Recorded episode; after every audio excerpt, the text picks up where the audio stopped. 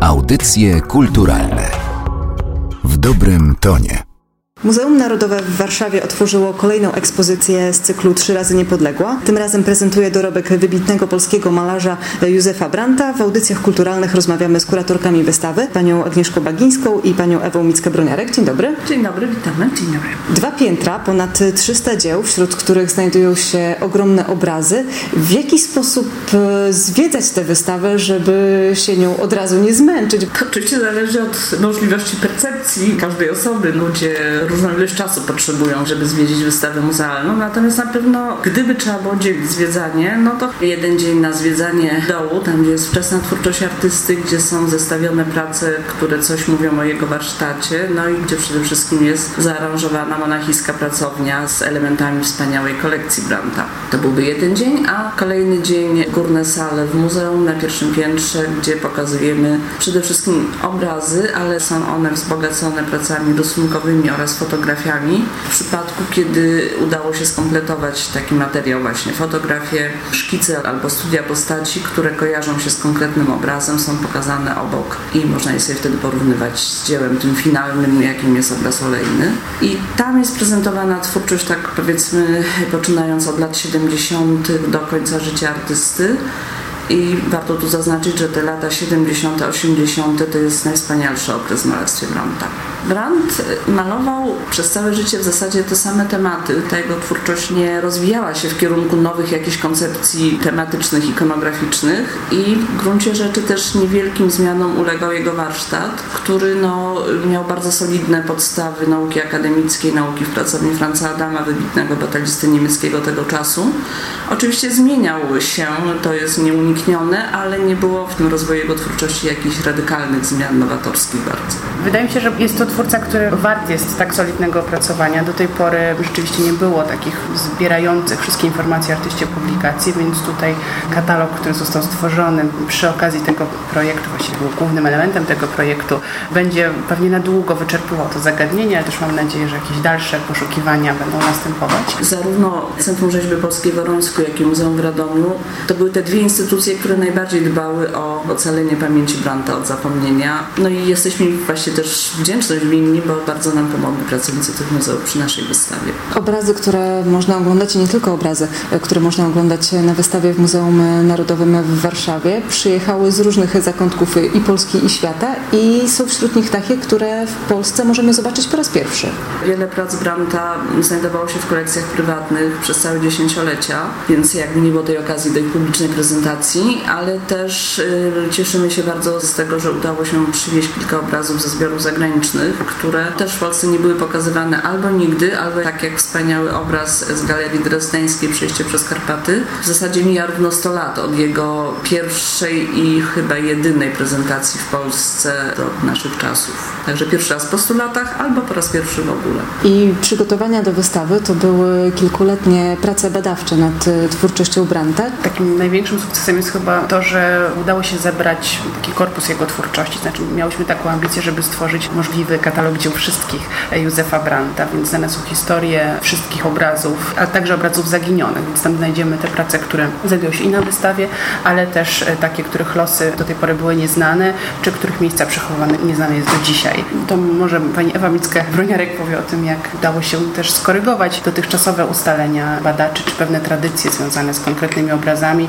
Bo takich odkryć tutaj było wiele. Wydaje mi się, że należy podkreślić przede wszystkim też to zebranie całego materiału w końcu w jednym miejscu. Wydaje mi się, że to jest podstawa do znajomości planta w ogóle teraz od tej pory w jednym miejscu, czyli w trzech tomach. W jednym miejscu, tak. Jesteśmy bardzo dumne z tego, że tak monumentalną publikację stworzyłyśmy, ale naprawdę Brantowi się to należało. Był jednym z niewielu polskich malarzy, tych wybitnych XIX-wiecznych, którzy do tej pory nie mieli swojej monografii, których dorobek nie był w pełni opracowany. Z takich ciekawostek, jakie nam się udało odkryć w czasie badań, to jest na przykład zmiana tytułów niektórych obrazów, czy w ogóle interpretacji treści niektórych obrazów. Także ustalenie i weryfikacja pewnych pewnych y, danych, faktów biograficznych, chociażby właśnie to, bo wszyscy wiemy, że Brandt był uczniem Juliusza Kossaka, natomiast nie było wiadomo tak naprawdę, kiedy się u niego zaczął uczyć. Y, dominowały poglądy, że dopiero pewnie w Paryżu, bo Kossak wtedy mieszkał w Paryżu, kiedy Brandt tam przyjechał. Okazało się, że nie, dzięki temu, że rodzina artystów udostępniła nam odpisy listów wczesnych młodzieńczych Brandta z okresu nauki w Warszawie. Wiemy, że już w Warszawie w czasie nauki w Instytucie Szlacheckim pobierał lekcje rysunku Juliusza Kossaka. Natomiast jeżeli chodzi o obrazy, no to chyba takim najbardziej spektakularnym może naszym odkryciem było to, że obraz, który przez całe lata nosił tytuł Matka Boska Poczajowska jest obrazem przedstawiającym wizerunek innej Matki Boskiej i w ogóle inną historię, inne losy, inny tytuł. Tytuł, który był na pewno autorski i z którym obraz był pokazywany na wystawach, czyli Modlitwa w stepie. A rzecz dotyczy nie cudownego wizerunku Matki Boskiej z Kładry Poczajowskiej, natomiast również słynącego cudami wizerunku Matki Boskiej z Kościoła Armiańskiego w Kamieńcu Podolskim. Brandt dzielił swoje życie między Polskę a Niemcy. Czy w jakiś sposób odbiór jego obrazów różni się w tych dwóch krajach? On za swojego życia był malarzem popularnym. Bardzo popularnym. W Polsce był stawiany jako jeden z trzech największych twórców ówczesnych, obok Jana Matejki i Henryka Siemierackiego. I to też właśnie efekt naszej pracy, czyli dwa artykuły zamieszczone w katalogu. Każdy z nich dotyka kwestii recepcji twórczości Brandta w świetle krytyki artystycznej i prasy. Jeden dotyczy Polski, drugi Niemiec, więc zachęcamy do lektury. A tak w skrócie? Ale w skrócie to rzeczywiście można powiedzieć, że w tym czasie, kiedy Brandt żył, był równie ceniony i równie popularny i tu, i tu. Oczywiście to też ewoluowało, ponieważ no, pod koniec życia artysta umiera w 1915 roku, więc wiemy, że około roku 1900 zupełnie się zmieniły tendencje w sztuce, zainteresowania. Malarstwo Brandta już było troszkę anachroniczne wtedy, kiedy u nas rozkwitła młoda Polska i w ogóle sztuka Art Nouveau w Europie. No, to były inne czasy, zupełnie inne już teorie estetyczne dominowały, więc wiadomo, że trudno porównywać sławę Brandta z lat powiedzmy 70., 80. z latami tuż po 1900 roku. Wspomniały Panie już wracając do wystawy, że jednym z elementów będzie aranżacja monachińskiej pracowni Brandta, która pełniła wiele ról. To nie była tylko pracownia artysty, tam można było również jego pracę obejrzeć i tam odbywały się także spotkania towarzyskie. Tak, staramy się zaaranżować, może rekonstrukcja to nie jest tutaj dobre słowo, monachińską pracownię Brandta, którą on wynajął przy Szwantaresztrasse 19 w 1871 roku i tak jak Pani mówiła, ona pełniła wiele funkcji, znaczy przede wszystkim służyła do malowania i Brandt regularnie w tym celu jej używał, ale też te funkcje reprezentacyjne były tutaj nie mniej ważne. Wynikało to z pewnej monachijskiej mody tego czasu. Artyści akademicy, malarze historyczni czy rodzajowi mieli pokazowe pracownie, do których zapraszali gości czy do innych artystów i odbywały się tam spotkania towarzyskie, ale też spotkania o charakterze biznesowym można było powiedzieć, ponieważ pracownia artysty w XIX wieku, już w tej drugiej połowie, staje się też miejscem spotkań z klientami, sprzedaży obrazów, przyjmowania różnych zleceń, też znamienitych gości, ale również dziennikarzy, fotografów, tak by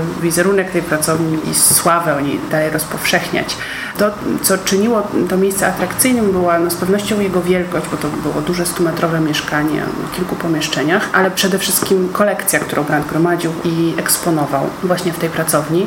Były to przedmioty, przede wszystkim militaria, różnego rodzaju bronie, opancerzenie, wyposażenie jeździeckie, także przedmioty różne skórzane, meble, instrumenty muzyczne, kostiumy o proweniencji ludowej, głównie też wschodniej, czasem zachodnioeuropejskiej, które służyły jako rekwizyty malarskie, ale też ozdabiały wnętrze.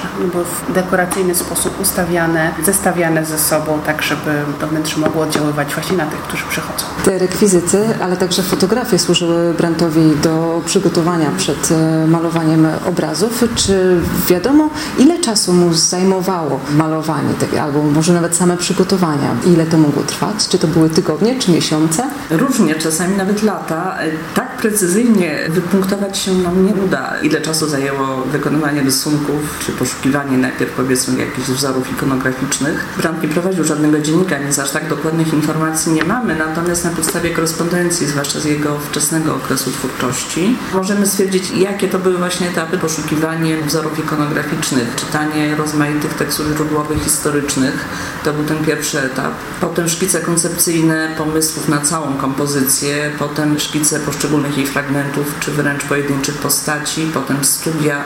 W tym początkowym okresie było nawet tak, że były wykonywane studia nagiej postaci, postaci ubranej, a dopiero potem ona była wprowadzana w całą jakąś tam wielopostaciową scenę figuralną. Też były szkice olejne, czyli jakby no, taka przymiarka do dyspozycji kolorystycznej obrazu. No i oczywiście samo malowanie tych dzieł wielkoformatowych też zajmowało wiele miesięcy, czasami nawet lata. Są takie obrazy, nad którymi Brandt pracował kilka lat. Ale też są oczywiście no, na przykład pejzaże z okolicy Rońska, które powstawały najprawdopodobniej w czasie jednego posiedzenia, jak to się mówi malarskiego ze sztalugą gdzieś w plenerze. Szybkie, takie kreślone pewną ręką, bardzo wrażliwe notatki malarskie. Ale mimo tego, że Brandt tyle czasu poświęcał na przygotowania i na malowanie swoich obrazów, to namalował ich w ciągu swojego życia całkiem sporo. Tak, był bardzo płodnym malarzem, bardzo pracowitym, to na pewno. Nawet w ostatnich latach, kiedy już zdrowie trochę szwankowało, no jednak powstawało nadal wiele dzieł, chociaż może już nie wszystkie na tak dobrym poziomie jak wcześniej. Nie wiemy do końca ile jest tych obrazów, ponieważ wciąż nie wiemy, czy gdzieś w kolekcjach prywatnych jeszcze nie znajdują się jakieś dzieła przekazywane z pokolenia na pokolenie, które właściwie nigdy nie ujrzały światła dziennego, mogły być bezpośrednio z pracowni malarza kupione przez danego kolekcjonera i na przykład do dziś są w jego rodzinie, także precyzyjnie wyliczyć się nie da, ile tych obrazów powstało, natomiast no, na pewno to się liczy już w setki, to znaczy w tej chwili na wystawie mamy obrazów, bo oczywiście ponad 300 obiektów to jest jakby całość tego, co jest prezentowane na wystawie, natomiast samych obrazów jest około 120-150. Natomiast zachowała się taka informacja w korespondencji rodzinnej, z której wynikało, że po 1900 roku Y, Brandt już był autorem ponad 300 obrazów, nie licząc właśnie akwarela, ani studiów, ani rysunków. Także sporo.